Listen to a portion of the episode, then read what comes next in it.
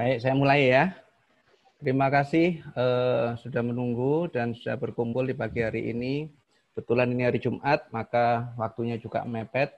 Saya akan segera sharing ya, istilahnya sharing session tentang PCOS. Saya yakin uh, sebagian besar yang sudah masuk, malah mungkin semuanya sudah pernah mendengar kata-kata PCOS atau SOPK. Nah, Apakah PCOS itu nanti kita sekilas, saya bacakan presentasi saya, nanti kita lebih banyak ke diskusi. Baik. uh, apakah itu PCOS? Jadi singkatannya adalah uh, Polycystic Ovarian Syndrome atau SOPK. Ini bahasa Indonesianya, Sindroma Ovarium Polycystic. Jadi ini terjadi pada sekitar 10% pada organ reproduksi wanita dan merupakan salah satu penyebab utama infertilitas. Jadi kalau kita lihat ini, ini ovarium normal, yang ini ovarium yang terjadi PCO. Ini namanya kista itu, kista itu artinya kantong yang berisi cairan. Jadi sebenarnya tidak hanya di ovarium, di mana aja kita pernah kena, bibir kita pernah ada kantong yang isi cairan ya mungkin kena panas atau lecet atau apa, itu namanya kista. Di hidung juga ada, kalau muncul kista bisa juga. Nah ini kista yang muncul di hidung telur. Jadi sebenarnya ini eh, bedanya sama kista ovarium apa sama yang kista yang ini. Kalau kista ovarium itu di ovariumnya semua itu berisi cairan. Kalau ini yang berisi cairan hanya di folikelnya. Folikel ini apa? Folikel ini adalah penghasil sel telur normalnya itu hanya ada satu atau dua setiap bulannya, dan dia hanya keluar biasanya satu setiap bulannya.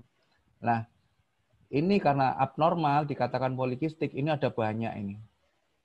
Dan justru banyak ini malah tidak bagus. ya. Oke. Jadi eh, PCOS ini adalah suatu kumpulan gejala sebenarnya. Namanya kan sindrom, polycystic ovarian syndrome. Sindrom itu adalah suatu kumpulan gejala dan dialami oleh perempuan usia produktif atau reproduktif. Ya. Jadi ada banyak gejala nanti saya terangkan di uh, file berikutnya. Ini saya bacakan sekilas. Ada pertumbuhan rambut yang berlebihan, ada perubahan berat badan menjadi lebih besar berat badannya, ada kista di ovarium, penurunan libido, ada gangguan haid, entah dia haidnya tiga bulan sekali atau sebulan bisa berkali-kali haid, ya ada kebotakan pada wanita, ada peningkatan hormon testosteron, ada gangguan insulin reseptor ya, lalu bisa melemah juga. Ada juga eh, muncul jerawat, banyak jerawat ya, ada perubahan mood dan infertilitas menjadi susah hamil. Oke, fakta eh, berapa fakta ya kita kadang-kadang mendengarkan itu ada yang fakta, ada yang mitos, ada yang hoax ya. Jadi ini fakta yang sering kita temui bahwa SOPK ini ditemukan pada satu dari setiap 10 wanita. Jadi 60% sampai 70% SOPK pada wanita mengalami infertilitas. Dan 50 sampai 70% wanita SOPK, eh, bukan SPOK ini, didapatkan insulin resisten yang dapat mengarah atau berkembang ke diabetes mellitus. Wanita dengan PCOS dapat memiliki siklus menstruasi bulanan dan masih memiliki PCOS. Jadi tadi kan saya bilang ada gangguan haid. Ternyata orang yang PCOS tidak semuanya ada gangguan haid. Ada yang haidnya normal, ternyata dokternya, Bu, ini kok PCOS? Ya, bisa. Lalu wanita dengan PCOS memiliki tingkat kecemasan dan depresi yang lebih tinggi daripada wanita yang tanpa sindrom PCOS. Wanita dengan PCOS mungkin lebih sulit menyusui dan memproduksi ASI yang cukup untuk bayi mereka. Perlemakan hati mempengaruhi 15% hingga 55% wanita dengan PCOS dan dapat diperbaiki dengan perubahan pola makan. Wanita dengan PCOS memiliki insiden. Insiden itu kejadian eh, penyakit diabetes resiko keguguran pada saat hamil atau kelahiran prematur, dan kematian janin yang lebih tinggi, misalnya hamil jadi abortus atau persalinan prematur sehingga menyebabkan kematian pada bayi. Gangguan tidur meningkat dua kali lebih banyak pada wanita dengan PCOS dibandingkan dengan mereka yang tidak ada PCOS. Ternyata ada gangguan tidur, susah tidur, itu berpengaruh. Nah, kenapa terjadi PCOS atau SOPK? Ini penyebab pastinya sampai sekarang masih belum jelas ternyata. Penelitiannya banyak. Jadi SOPK ini disebabkan oleh gangguan hormon. SOPK ini disebabkan oleh adanya eh, resistensi insulin dan lain-lain. Tapi para ahli menyimpulkan ya adanya hubungan antara peningkatan kadar androgen dalam darah dan juga keterlibatan hormon insulin terhadap kondisi ini dapat dialami wanita pada usia reproduktif. Itu ya. Nah, gejalanya apa saja? Ada gangguan siklus haid atau amenore. Ada hirsutism atau pertumbuhan bulu berlebih di wajah dan di badan. Ya, ada berat badan semakin bertambah dan susah turun. Ternyata obesitas ini bisa menjadi penyebab terjadinya SOPK atau bisa juga menjadi akibat dari adanya SOPK. Jadi ini seperti lingkaran setan juga. Lalu eh, kebotakan ya. Kebotakan ini mungkin kita ini ada contohnya di gambar ini pernah kita melihat wanita dengan rambutnya jarang atau rontok. Nah, ini tipenya male pattern kebotakan yang male pattern yang menyerupai pria itu karena kelebihan hormon androgen. Jadi kalau kita melihat uh, seorang pria yang uh, hormon androgennya tinggi, biasanya dia uh, brewoknya banyak, ya, jenggotnya panjang, tapi kadang-kadang banyak yang rambutnya tidak tumbuh ya ini. Lalu uh, jerawat, muncul jerawat wajah berminyak, perubahan mood. Ini semua karena masalah hormonal. Lalu pemeriksaan apa yang bisa dilakukan? Biasanya eh, dokter akan menanyakan apakah eh, pasien memiliki gejala seperti jerawat yang tadi ya. Ada jerawat enggak? Ada pertumbuhan rambut enggak? Perlu ditanyakan karena sekarang kan pasien pada maskeran semua. Kalau dulu datang kita ngelihat, oh ini kumis tipis, oh ada jerawat agak gemuk, oh ini mungkin keluhannya ini. Betul, ternyata dia datang dengan keluhan haid atau dengan keluhan susah hamil. Lalu penambahan berat badan. Pemeriksaan panggul, ini periksa dalam untuk melihat apakah ada ovariumnya membesar atau tidak. Ini juga untuk melihat apakah ada kemungkinan kista yang di ovariumnya, yang bukan yang di folikelnya yang saya tadi bilang. Ya, Selama tes ini, dokter akan memasukkan jari bersarung tangan ke dalam vagina, itu namanya periksa dalam dan memeriksa apakah ada benjolan di dalam rahim atau di ovarium. Lalu tes darah. Ini untuk memeriksa apakah kadar hormon pria lebih tinggi dari normal. Ada wanita ya. Wanita itu hormon pria itu ada androgen, testosteron ada, tapi dia rendah. Ini bisa dilakukan pemeriksaan lab. Lalu tes darah untuk memeriksa kadar kolesterol, insulin, TG. Ya, ini lemak ya. Kenapa? Karena pada pasien-pasien dengan PCOS ternyata dia muncul juga resiko terjadi gangguan penyakit jantung dan diabetes yang ditandai dengan ada peningkatan ini kolesterol, gangguan e, insulin dan lemak biasanya. Lalu ultrasonografi. Nah, ini selain ini dilakukan pemeriksaan USG. Biasanya kalau USG dari perut e, tidak nampak. Jadi apalagi pada wanita yang e, lemak perutnya agak tebal itu agak susah dan memang tidak bisa ya. Akhirnya ini perlu dilakukan untuk eh, USG-nya melalui vagina. Ini tidak bisa dikerjakan pada wanita yang belum menikah.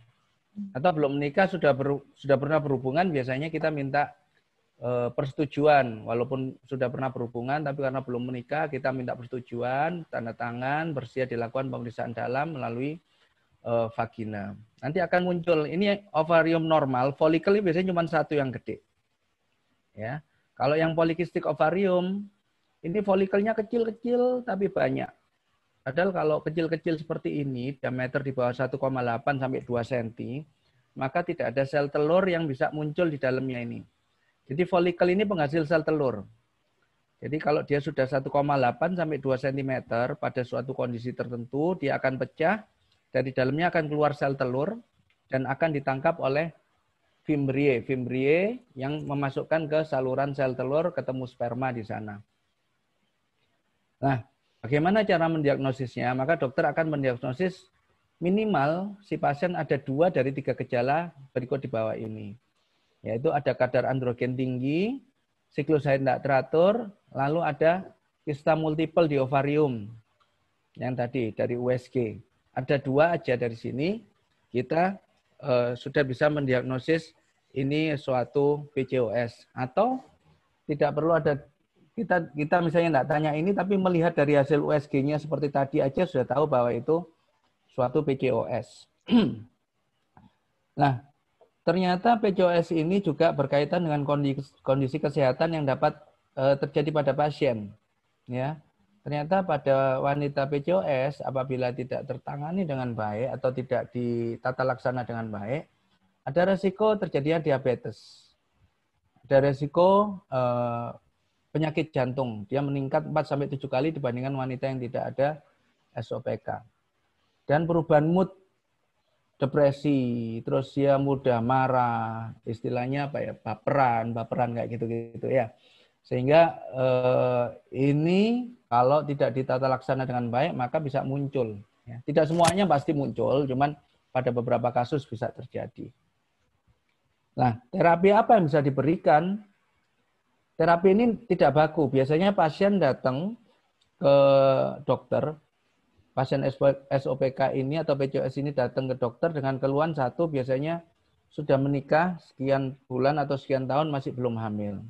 Atau pasien datang dengan keluhan eh, terjadinya gangguan haid.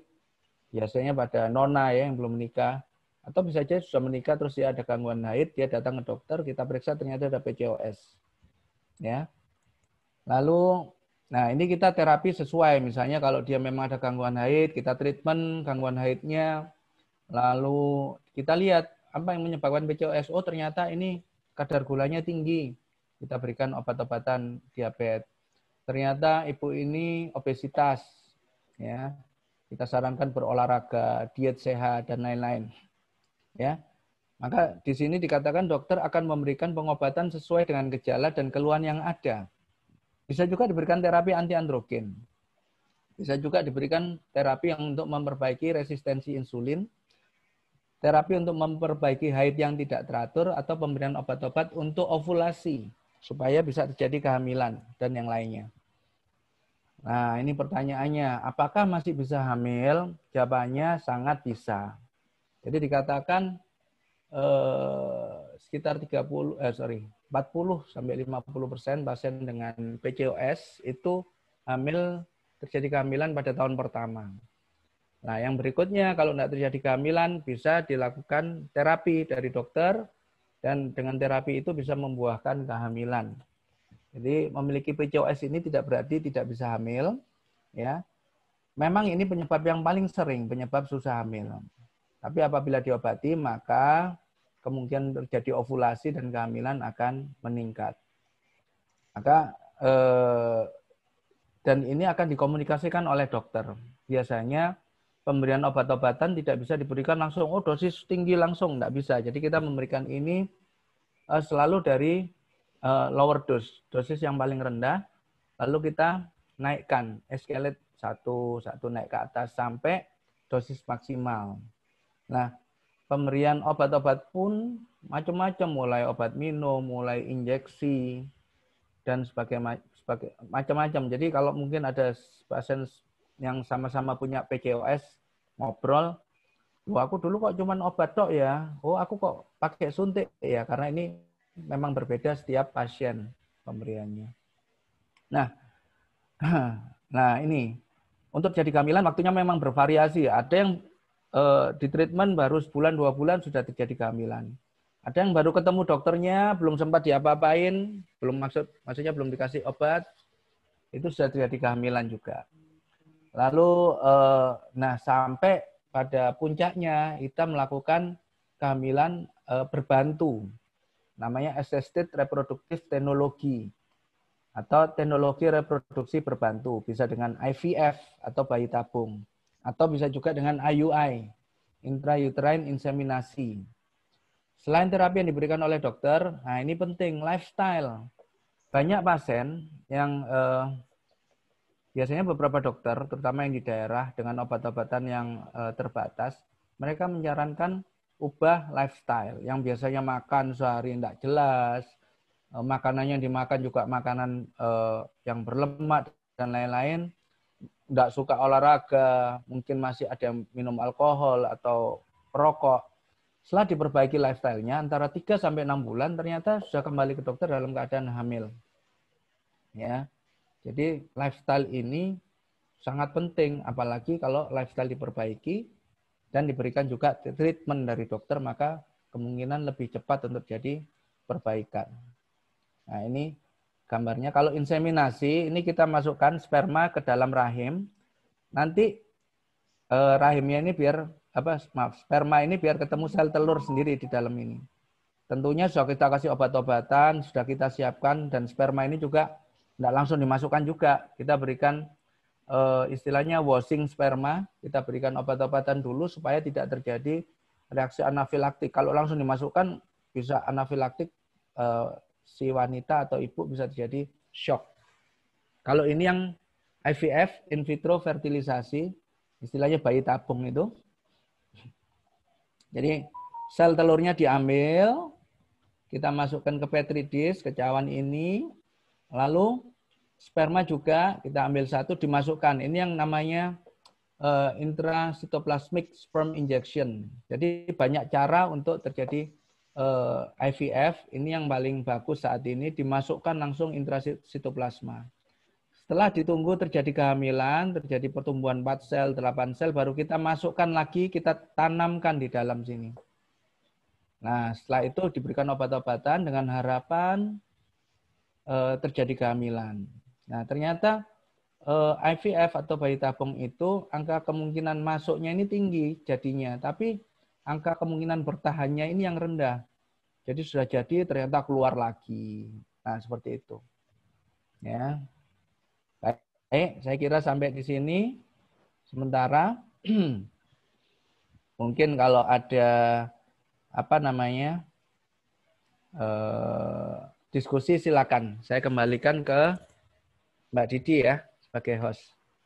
Oke, baik. Terima kasih dokter untuk pemaparannya. Menarik sekali memang diskusi mengenai PCOS ini karena di luar sana juga masih banyak informasi-informasi yang kurang tepat gitu ya atau mitos-mitos ya. terkait PCOS. Nah, harapannya dengan materi yang sudah dipaparkan ini bunda-bunda yang hadir bisa mendapatkan gambaran mengenai bagaimana penanganan PCOS dan ternyata PCOS ini bisa hamil. Nah, saya buka untuk sesi pertanyaan. Silahkan untuk bunda-bunda yang mau bertanya secara langsung bisa raise hand dan menyalakan suara uh, mikrofonnya untuk bisa bertanya langsung dengan Dr. Hendra. Silahkan Bunda. Saya berikan tiga kesempatan bagi penanya langsung. Ada yang mau bertanya langsung? Oke, belum ada. Ini tadi sudah ada yang bertanya. Oh, ada. Ibu Mika. Baik. Silahkan Ibu Mika. Bisa menyalakan kamera juga.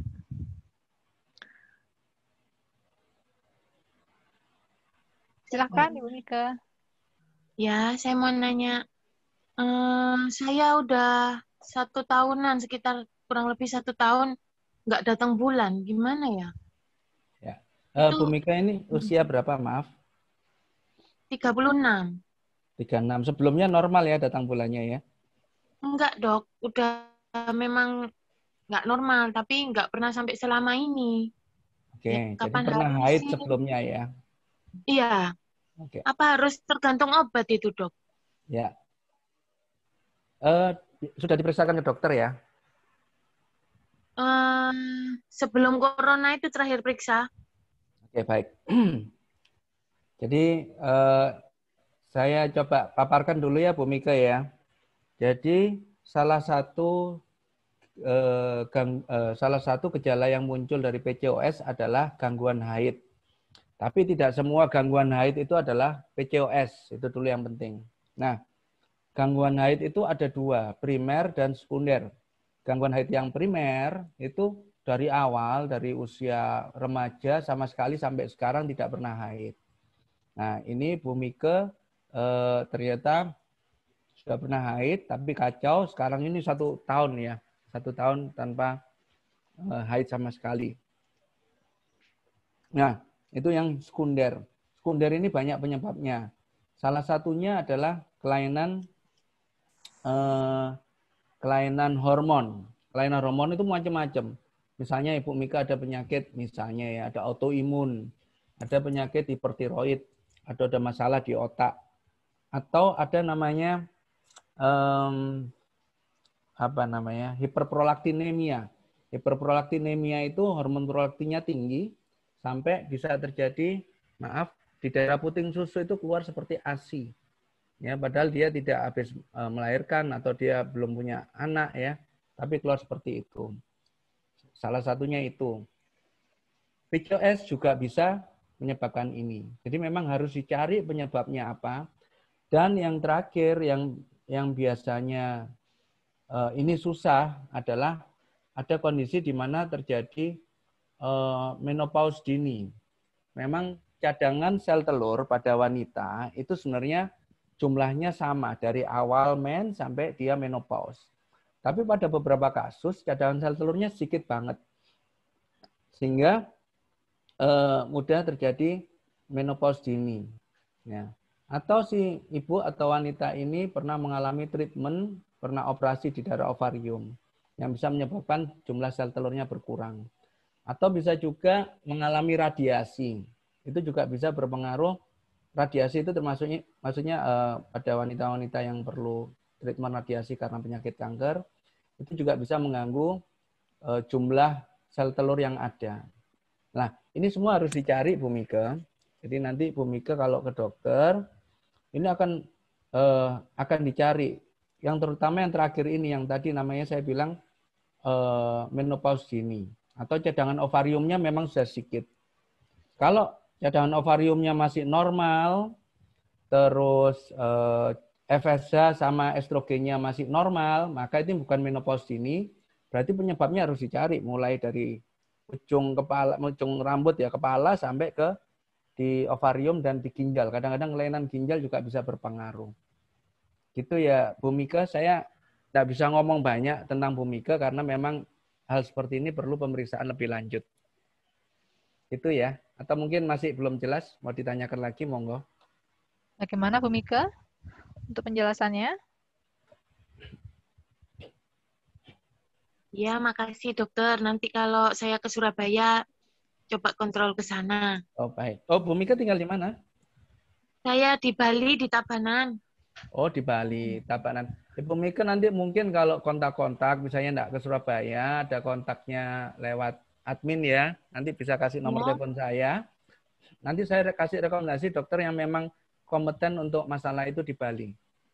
Ya. Oh iya dok. Ya. ya. Itu ya. Makasih dok. Ya. Ya. ya. ya. Terima kasih kembali Bu Mika untuk pertanyaannya. Selanjutnya ada Ibu Iva Sisup. Silahkan Bunda Iva bisa menyalakan mikrofonnya. Baik, terima kasih dok. Sebelumnya saya mohon maaf, tadi agak terlambat ya. Jadi mohon maaf kalau memang sebelumnya udah dijelasin.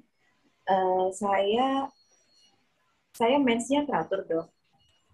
Tapi uh, dulu di awal pernikahan pernah pernah pernah di, dikatakan dokter PCOS. Nah, apakah ada diet khusus ya? Saya pernah mendengar tapi saya nggak tahu lebih pasti. Apakah ada diet khusus atau makanan khusus uh, sebagai terapi PCOS ya dok ya. Baik. Itu aja ya Bu ya. Oh, Ibu saya punya putra atau putri? Saya punya satu usia 8 tahun. Nah sekarang lagi promil Program. untuk yang kedua dok. Ya ya. Oke okay, baik. Uh, saya langsung jawab ya Bu Iva ya. Jadi okay. uh, eh, PCOS itu bukan berarti tidak bisa sembuh atau tidak bisa membaik. Jadi ada yang mengatakan sekali kamu PCOS, Anda akan PCOS terus selamanya tergantung penyebabnya. Kalau penyebabnya ternyata bisa kita perbaiki, termasuk tadi itu uh, lifestyle itu yang paling penting. Maaf, makanan mungkin yang banyak mengandung lemak kita harus hindari. Karena lemak di dalam tubuh atau kolesterol yang kita makan di dalam tubuh ini akan dirubah menjadi uh, kolesterol. Kolesterol ini akan dirubah menjadi hormon androgen dan estrogen. Dua-duanya ini tidak baik untuk wanita PCOS karena dia akan tambah subur aja PCOS-nya dengan makanan-makanan seperti itu. Jadi makanan yang berlemak itu macam-macam ya. Ada yang makan yang suka gaji ya. Mungkin kalau ada yang makan steak yang ada yang pakai gajinya itu ya harus hindari.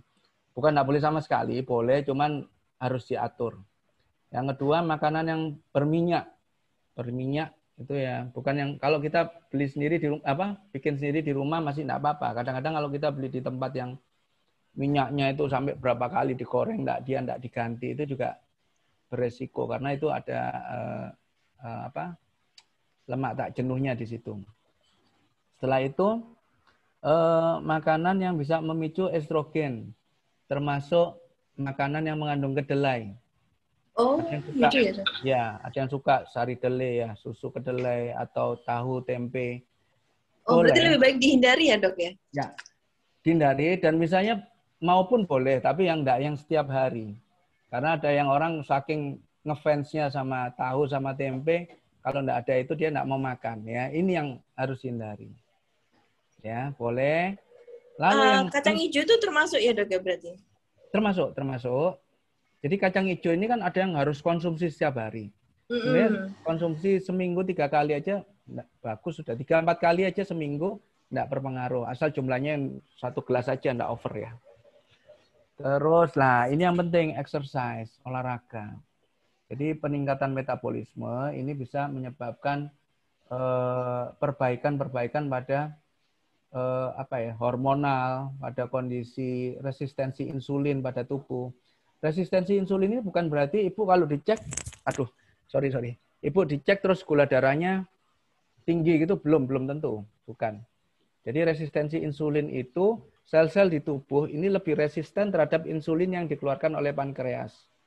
Ya, makanya itu kalau dibiarkan suatu saat akan bisa muncul diabetes pada ibu. Nah, ini yang paling penting. Jadi makanan tadi, lifestyle, olahraga. Olahraga terkadang kalau kita sendiri pasti males ya kadang-kadangnya. Caranya ya ajak suami. Ajak suami, ajak anak, barengan ini akan lebih semangat. Minimal seminggu 3 sampai 4 kali olahraga. Kalau jalan atau lari minimal 30 menit. Ya. 30 menit itu jalan cepat, bukan jalan pelan-pelan gitu aja ya, bukan olahraga. Jalan cepat pokoknya meningkatkan heart rate, detak jantung, sama mungkin keluar keringat sedikit. Gitu, Bu. Bu Iva. Uh, tambahan lagi boleh dok? Monggo, monggo. Uh, jadi ini kan saya juga mau program insem dok, tapi ya. saya baca-baca di internet itu uh, untuk itu ada resiko bahwa nanti mempercepat menopause itu benar nggak ya dok ya? Terus um, sebelum sebelum sebelum insem itu kan uh, syaratnya harus tes HSG ya dok ya. Itu kan ada radiasi. Nah tadi saya sempat mendengar sedikit tapi nggak jelas bahwa uh, radiasi itu, itu tadi juga mem, mem, mempengaruhi apa tadi dok ya? Mengaruhi jumlah sel telur. Nah ya itu. Uh, ya. Mohon penjelasannya dok. Ya. Jadi kalau yang yang pertama dulu haruskah HSG? Kalau si ibu in, si ibu Eva sudah pernah punya anak, harusnya tidak perlu. Cuman memang hmm. dulu pernah pernah punya anak karena kan jaraknya jauh 8 tahun. Ada yeah. kemungkinan ada infeksi atau keputihan segala macam yang bisa menyebabkan jadi pembuntuan. Memang untuk pastinya ya HSG. Tapi biasanya tanpa itu pun kita bisa coba langsung karena saya pernah hamil.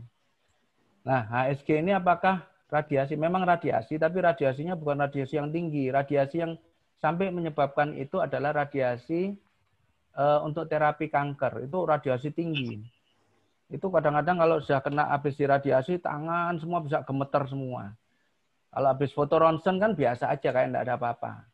Memang yang tidak boleh adalah walaupun itu radiasinya kecil, tidak boleh dalam sebulan dia sampai lebih dari 10 kali. Itu baru mengganggu.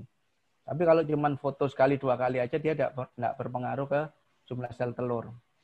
Nah tadi, apakah kalau di itu akan mempercepat menopause? Secara teori, iya, karena sel telur itu kan setiap bulan keluarnya cuma satu, satu itu. Dan saya bilang dari tadi, di, di tadi saya sudah pernah bilang bahwa jumlah sel telur itu sudah um, fix jumlahnya setiap wanita, 400 ribu sekian. Nah, setiap bulan kan keluar satu, satu lah. Begitu distimulasi, kalau mau inseminasi kan distimulasi supaya sel telurnya lebih dari satu, minimal dua atau tiga. Nah, itu baru dia keluarnya lebih sering. Sehingga secara teori iya, tapi tidak signifikan. Misalnya terlalu sering distimulasi, menopause jadi umur 45 enggak. Menopause ya tetap rata-rata 49 50. Begitu. Oke, baik dok. Terima kasih. Sama-sama. Oke, baik. Terima kasih Bunda Iva. Jadi memang penting sekali ya dok ya untuk mengatur pola makan ya dok, menghindari makanan berlemak, berminyak, kemudian kandungan kedelai atau kacang hijau, dan jangan lupa melakukan aktivitas fisik. Seperti itu ya dokter ya, ya, ya. tentang lifestyle yang perlu dilakukan. Ya. Kemudian ini ada yang bertanya lagi dokter dengan Bunda Dinda. Silahkan Bunda Dinda menyalakan mikrofonnya. Iya, selamat siang dokter. Siang Bu Dinda. Iya, saya mau nanya. Jadi gini, saya ini uh, udah ada diagnosa PCOS dan saya udah nikah dua setengah tahun, belum dikaruniai. Lalu saya ini mau tanya, baiknya untuk PCOS yang tipe badannya bukan obesitas, uh, maksud saya yang slim kurus. Saya ini PCOS yang tipe slim dan kurus kata dokter saya. Berat badan saya kan 48 kilo. Nah, itu apakah juga harus tetap diet karbo ya, dok? Kalau misalkan diet gula mungkin iya lah, mungkin bisa lah ya. Tapi kalau diet karbo, apakah nanti berat badan saya berpengaruh semakin tambah turun ya? Baiknya gimana ya, dok, dietnya?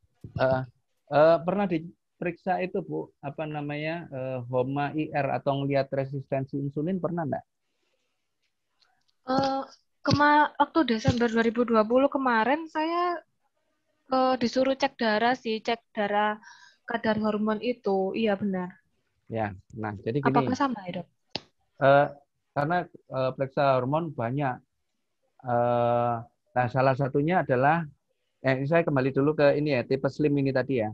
Memang tipe iya, slim tipe ini slim. yang agak susah karena datang kadang-kadang uh, dokter nggak aware ini suatu PCOS karena kurus. Padahal tipe slim pun bisa menyebabkan PCOS, bisa terjadi PCOS. Nah, untuk memastikan biasanya justru yang tipe slim ini yang ada gangguan resistensi insulin. Makanya harus dicek apakah memang ada gangguan resistensi insulin. Sehingga di terapi, terapinya macam-macam, mulai ada glukopah atau metformin ya. Metformin. Iya, diberikan itu juga. Diberikan metformin ya. ya. Atau juga diberikan eh, apa itu kayu manis terapi kayu manis terapi yang terbaik ini kayu manis yang bagus yang sudah ada kapsul itu sekarang sudah ada namanya inlasin. Itu juga oh bagus. iya saya juga itu pernah. Inlasin sudah. Nah setelah itu hormon-hormon tadi yang diperiksakan pentingnya adalah untuk melihat apakah ada hormon yang melonjak tinggi. Kalau memang dengan diterapi androgennya ibu masih tinggi di terapi LH atau hormon LH-nya masih tinggi nah ini juga perlu diterapi. Makanya tadi saya bilang eh, ada orang yang dengan terapi sebentar aja sudah jadi kehamilan, ada yang harus terapi bertahun-tahun. Nah, kalau tipe androgen ini pernah dengar nggak orang PCOS susah hamil marah diberi pil KB? Ada yang pernah dengar mungkin ya? Oh saya susah hamil kok saya malah disuruh kasih pil KB. Iya, ternyata pil KB yang tertentu itu dia mempunyai eh, zatnya anti androgen. Biasanya diberikan sampai tiga bulan. Setelah itu diberikan treatment untuk jadi kehamilan. Itu untuk hmm. androgennya. Hormon LH. LH itu luteinizing hormon. Itu juga biasanya pada wanita yang PCOS, hormon LH-nya itu tinggi banget di indung sel telurnya situ, di indung telur. Sehingga kalau hormon LH-nya ini tinggi banget, maka sel telurnya itu juga tidak bisa matang. Nah, ini perlu tindakan ovarian drilling namanya.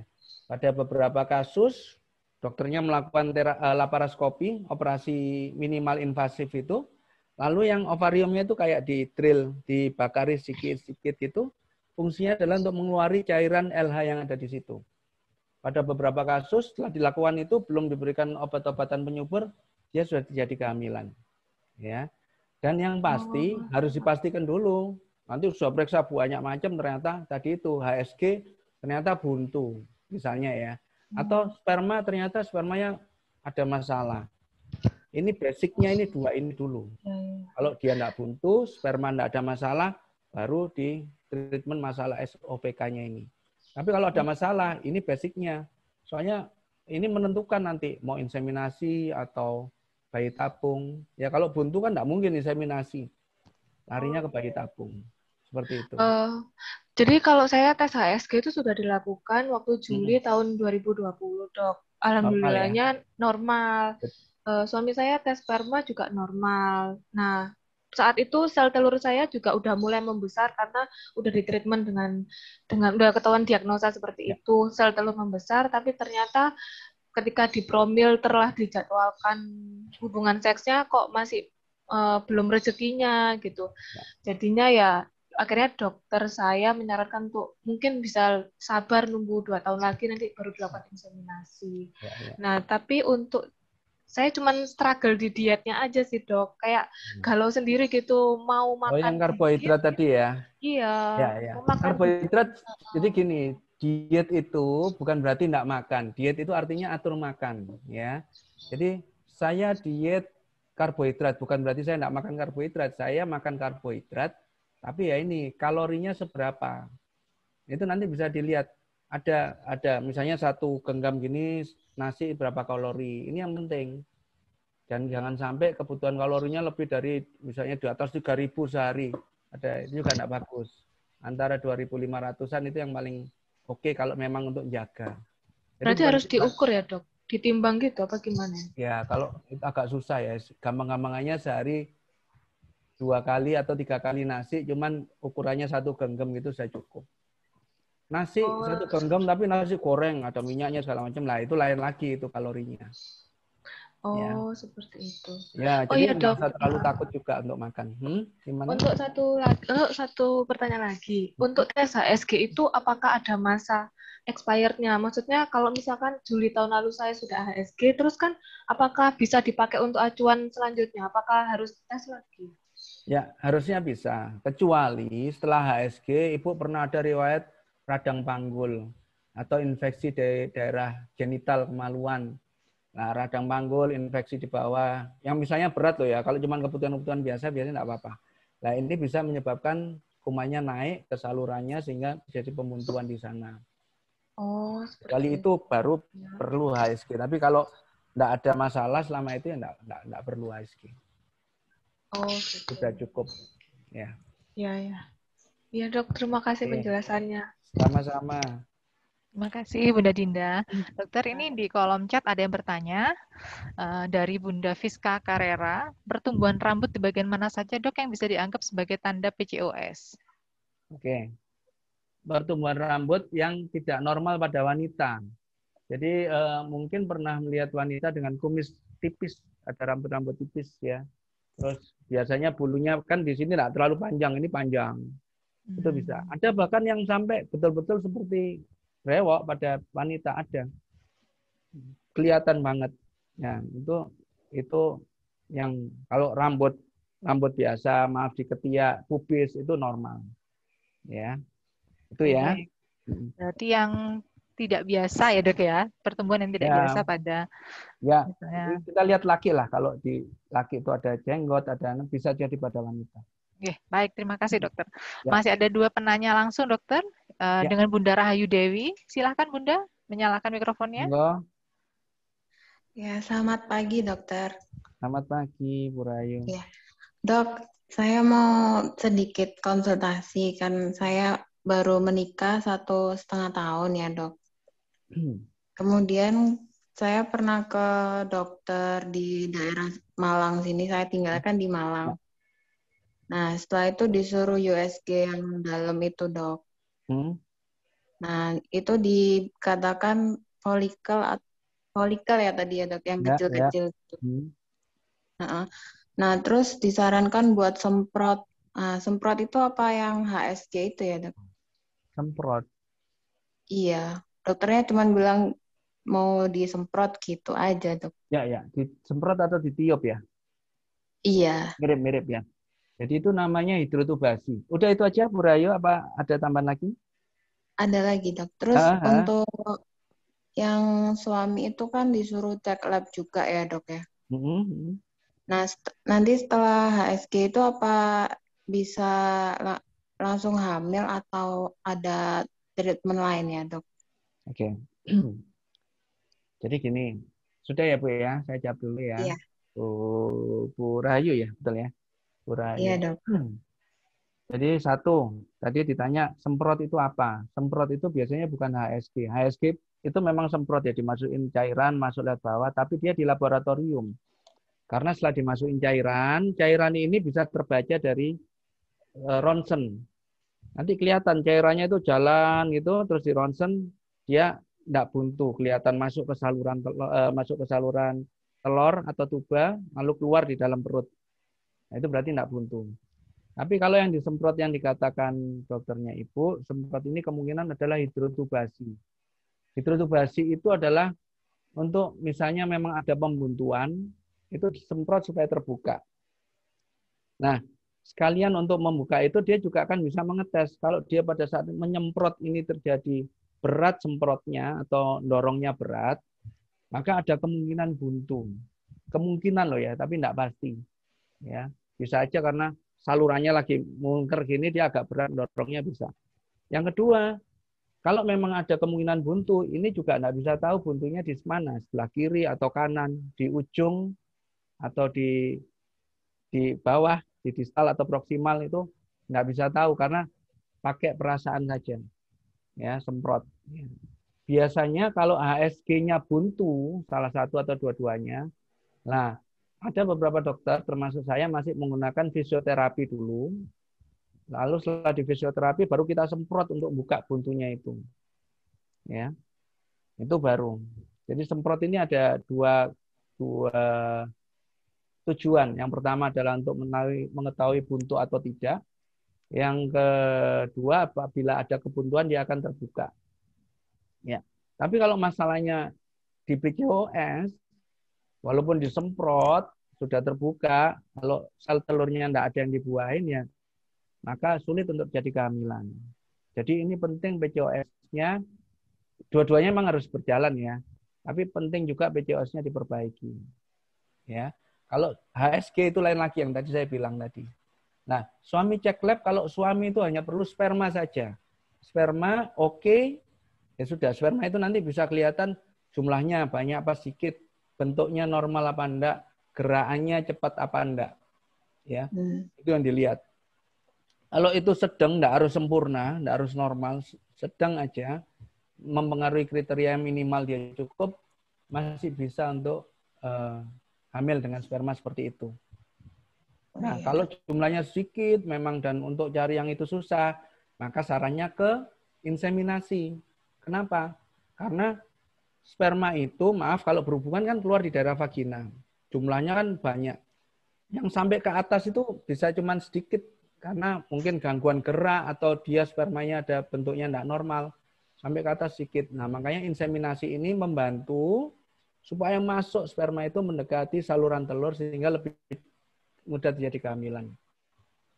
Begitu Bu Rahayu. Bu Ayu mungkin panggilannya ya. Iya, Dok. Nah, Berarti memang harus semprot itu ya, Dok?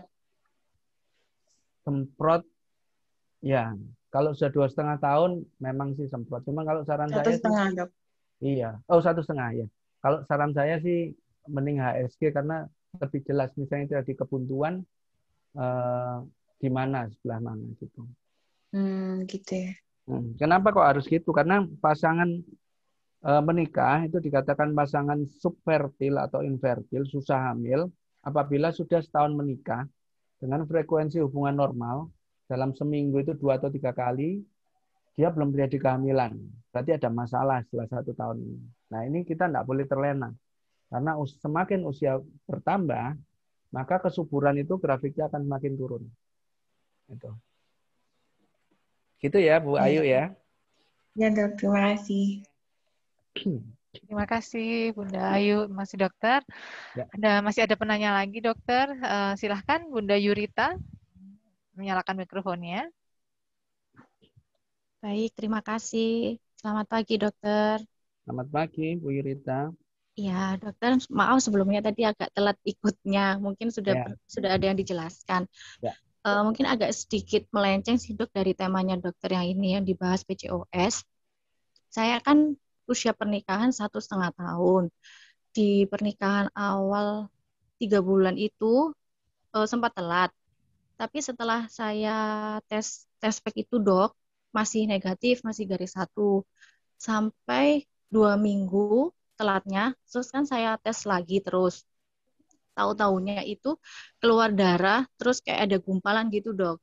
dan ternyata ketika waktu saya konsulkan ke dokter dokter kandungan ternyata itu plasenta. Terus tiga bulan lagi habis gitu kan dapat terapi tuh dok habis ya. abortus cuman abortusnya itu nggak sampai kuret cuman kayak diberi obat yang untuk membersihkan rahim gitu sih dok katanya ya. habis gitu tiga bulan lagi uh, sempat telat lagi dok kan setelah abortus yang pertama itu uh, siklus menstruasinya itu nggak nggak teratur kayak sebelum waktu nikah gitu kan dok jadi kayak maju mundur gitu cuman maju mundurnya memang nggak seberapa jauh lah yang bulan ketiganya itu abortus lagi dok. Hmm. Telat telat itu juga sama. Uh, di tes positif ya? Enggak, di tes spek itu masih negatif terus dok. Sampai akhirnya keluar lagi dan itu memang plasenta. Cuman hmm. lebih ukurannya sih katanya lebih kecil dari yang yang pertama itu dok kan konsulnya kan di dokter yang sama. Habis gitu juga sama, cuman dikasih obat obat untuk membersihkan aja nggak sampai kuret. Habis itu dari dokternya kan disarankan untuk cek ACA ya dok ya, ACA hmm. IgG sama IgM kalau nggak salah. Hmm. Itu sudah saya lakukan, hasilnya sih negatif. Hmm. Terus habis itu yang ini dok, bulan ini itu telat lagi. Hmm. Uh, hampir ya dua minggu juga sih dok. Okay. Saya tes pack juga masih negatif.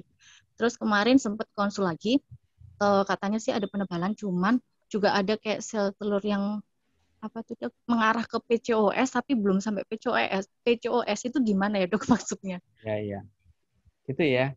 Ini sudah ya. satu setengah tahun ini sampai ya tiga bulan tiga bulan sampai sekarang. Iya ini. dok. Dan okay. selama itu selalu gitu tes packnya negatif tapi tahu taunya kayak keluar placenta gitu. Hmm. Iya. Oke. Okay.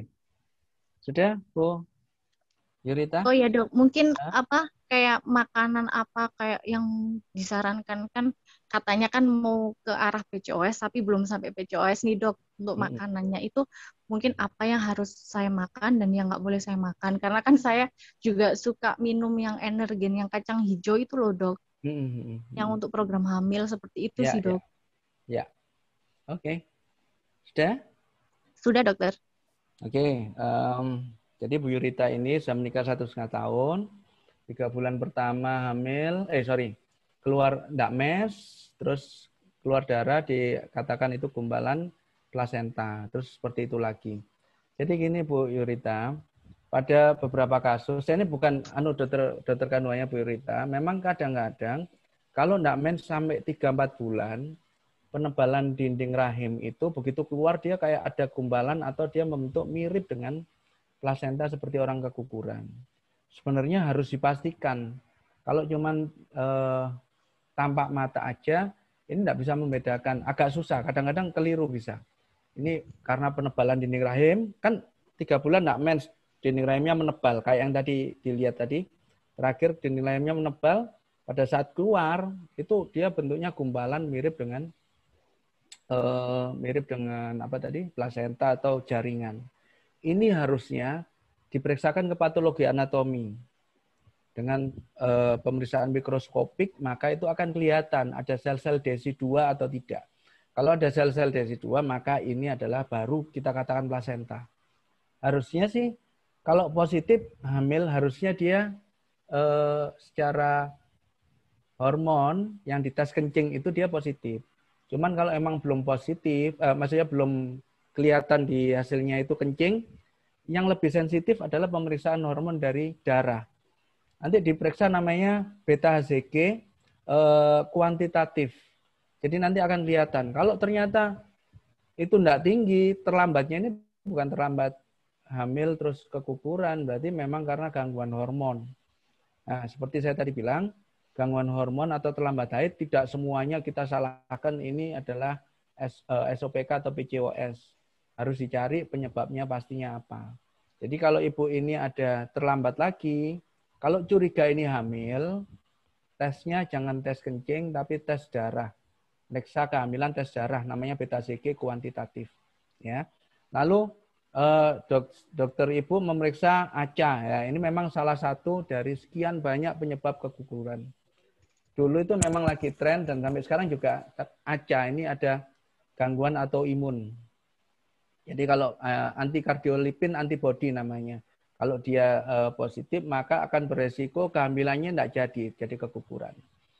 Dan sekarang yang trennya lagi tinggi, ini uh, pada kasus-kasus keguguran berulang, ternyata ini perlu juga diperiksa yang lainnya juga, namanya protein S dan D-dimer. Ini penting, ya. Tapi pastikan dulu bahwa memang itu uh, riwayat keguguran berkali-kali. Kalau tidak dirawat itu ya percuma juga periksa ini eh, belum waktunya periksa ini. Jadi yang harus dipastikan hamil apa ndaknya itu tadi. Ya. Jadi itu ya Bu. Lalu makanan apa yang disarankan? Eh, yang seperti saya bilang adalah rendah lemak, makanan yang sehat. Istilahnya 4 sehat 5 sempurna lah. Proteinnya tinggi, vitaminnya dari minum vitamin boleh asam folat atau dari gandum atau dari apa namanya eh, buah-buahan vitamin A, vitamin C itu yang disarankan. Nah, si dokter ini mengatakan ke arah PCOS. Ini harus dipastikan dulu. E, mengarah itu agak sulit. Apakah ini PCOS atau bukan? Harus dipastikan ini bukan PCOS atau ini suatu PCOS. Jadi harus caranya bagaimana? Biasanya si ibu akan diberikan obat-obatan untuk memicu ovulasi atau sel telur supaya tumbuh. Nah, nanti biasanya diminum mulai hari kedua atau ketiga haid. Nanti hari ke-13 atau ke hari ke-14, ibu diminta datang ke dokternya, nanti akan dilakukan pemeriksaan, maaf, USG dari vagina. Tujuannya untuk melihat tadi, PCOS apa enggak. Jadi dua ini aja. Kalau enggak PCOS, ternyata enggak tumbuh, berarti ini dengan obat-obatan yang diberikan dokternya, dia enggak respon. Nah, ini perlu mungkin ganti obat atau dosis ditambah, atau diberikan obat yang tadi saya bilang injeksi itu. Jadi ini masih jauh perjalanannya. Ada yang ditanyakan lagi Bu Yurita? Oh, oh ya dok, karena kan saya ada riwayat yang tadi itu dok, apa yang dikatakan yang abortus berulang. Ya. Apakah suami perlu untuk juga cek apa tuh sperma dok? Ya ya. Sperma penting juga. Apakah ada infeksi di daerah situ ada apa enggak ya? Si ibu juga perlu dicek apakah ada alergi terhadap sperma. Ya, ada namanya uh, tes alergi untuk itu. Tapi seperti yang saya ulang tadi, eh saya katakan tadi, pastikan bahwa yang itu betul keguguran berulang karena uh, ibu sempat bilang sendiri bahwa dicek ternyata negatif. Biasanya ya, kalau ini misalnya saya sekarang mens, saya sebagai ibu mens, dua minggu lagi terjadi kehamilan, misalnya terjadi ovulasi berhubungan terjadi uh, kehamilan, harusnya beberapa hari kemudian itu sudah dites sudah positif.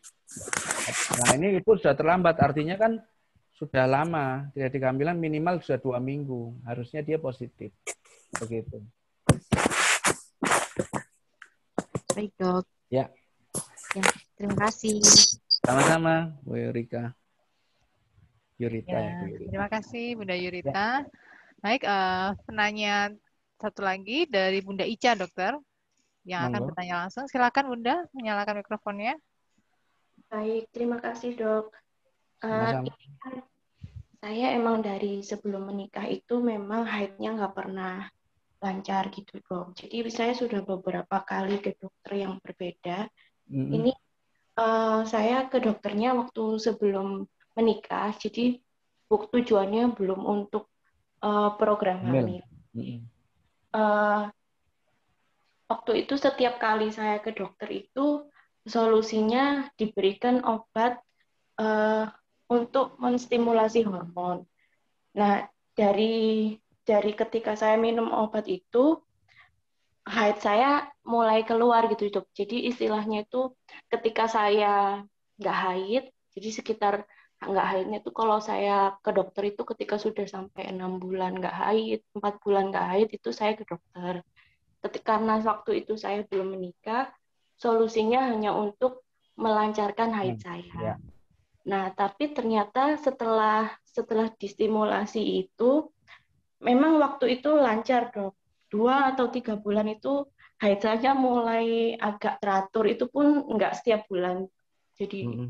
Yang awalnya nggak ter nggak tentu kapannya, jadi kayak nggak tahu saya mau ada haid lagi kapan.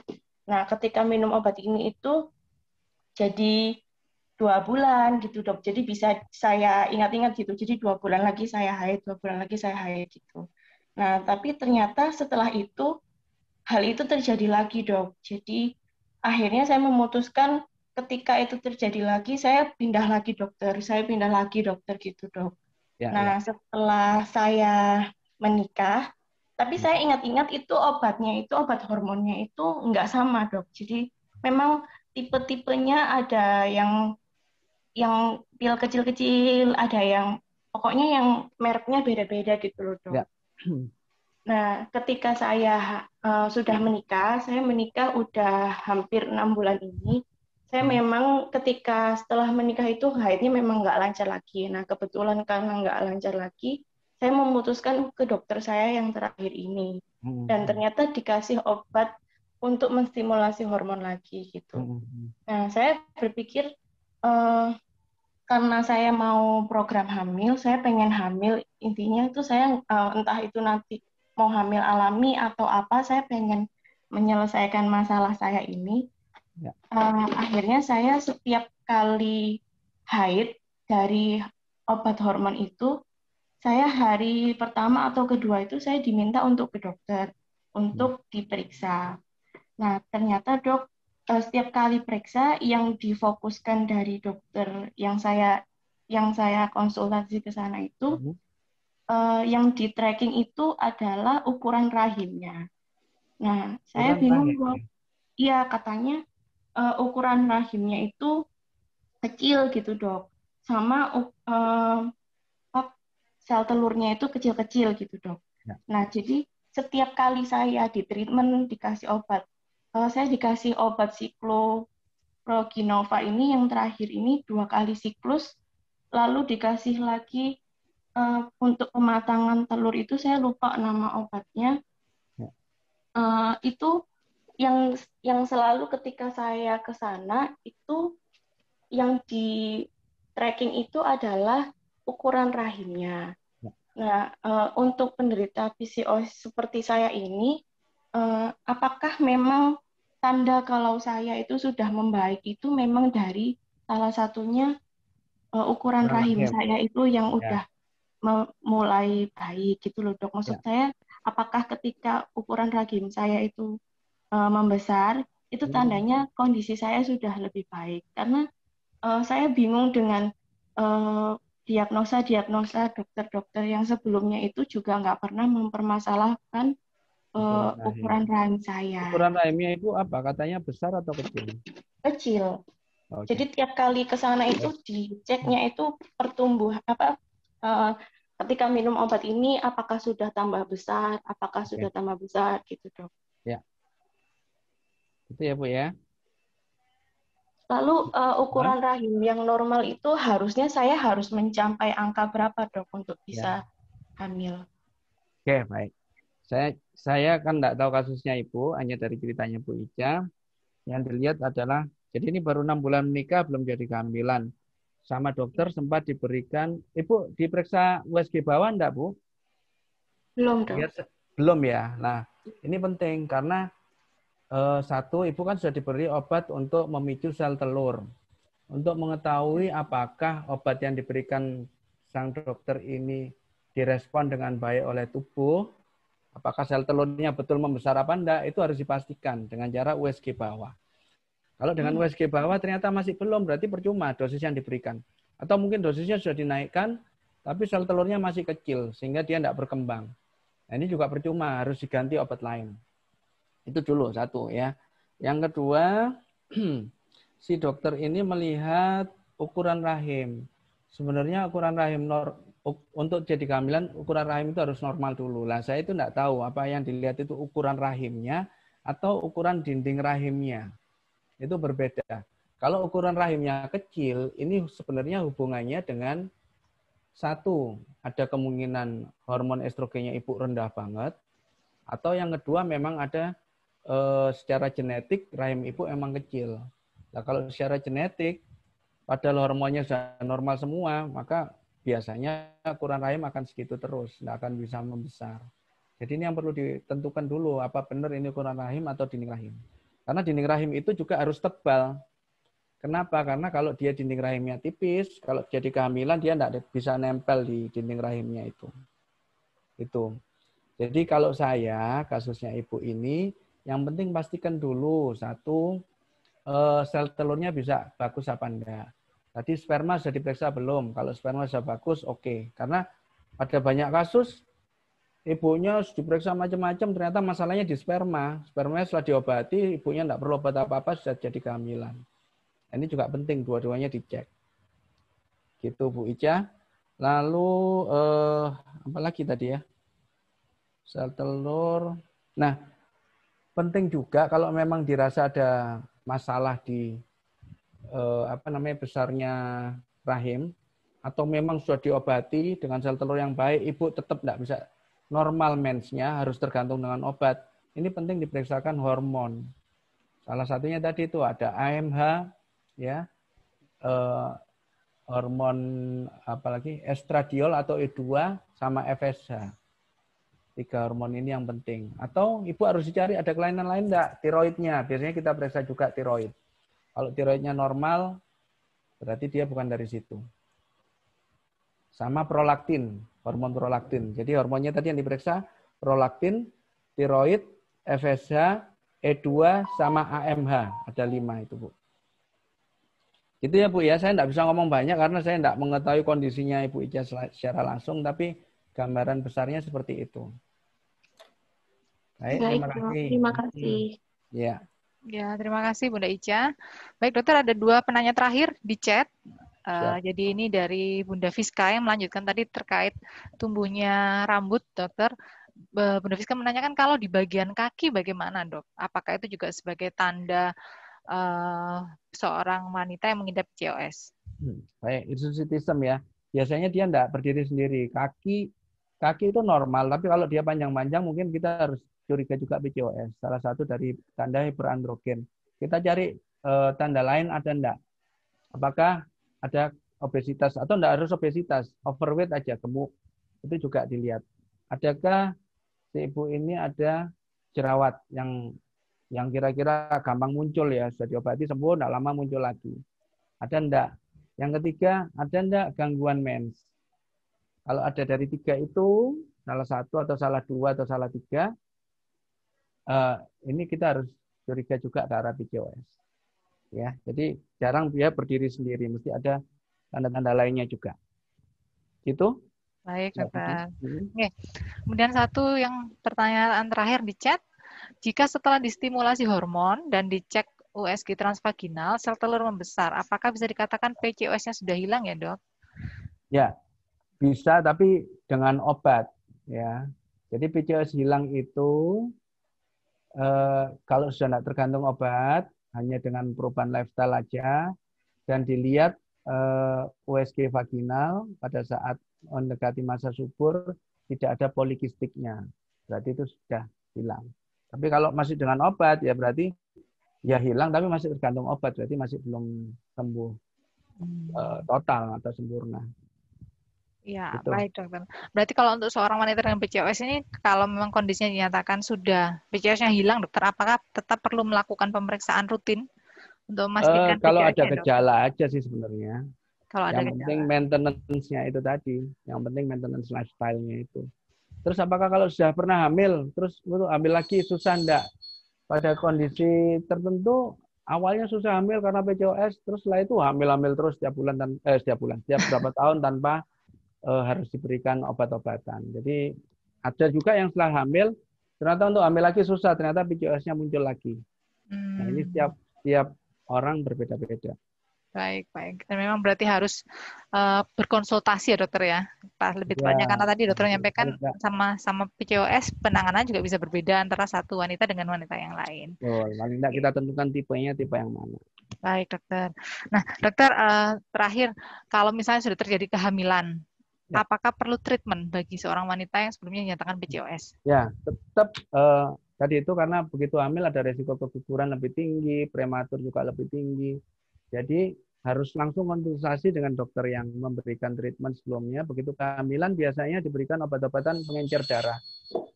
Terus yang berikutnya biasanya kalau terapi metformin tadi atau glukopa itu biasanya dilanjutkan. Bukan berarti hamil langsung di stop enggak.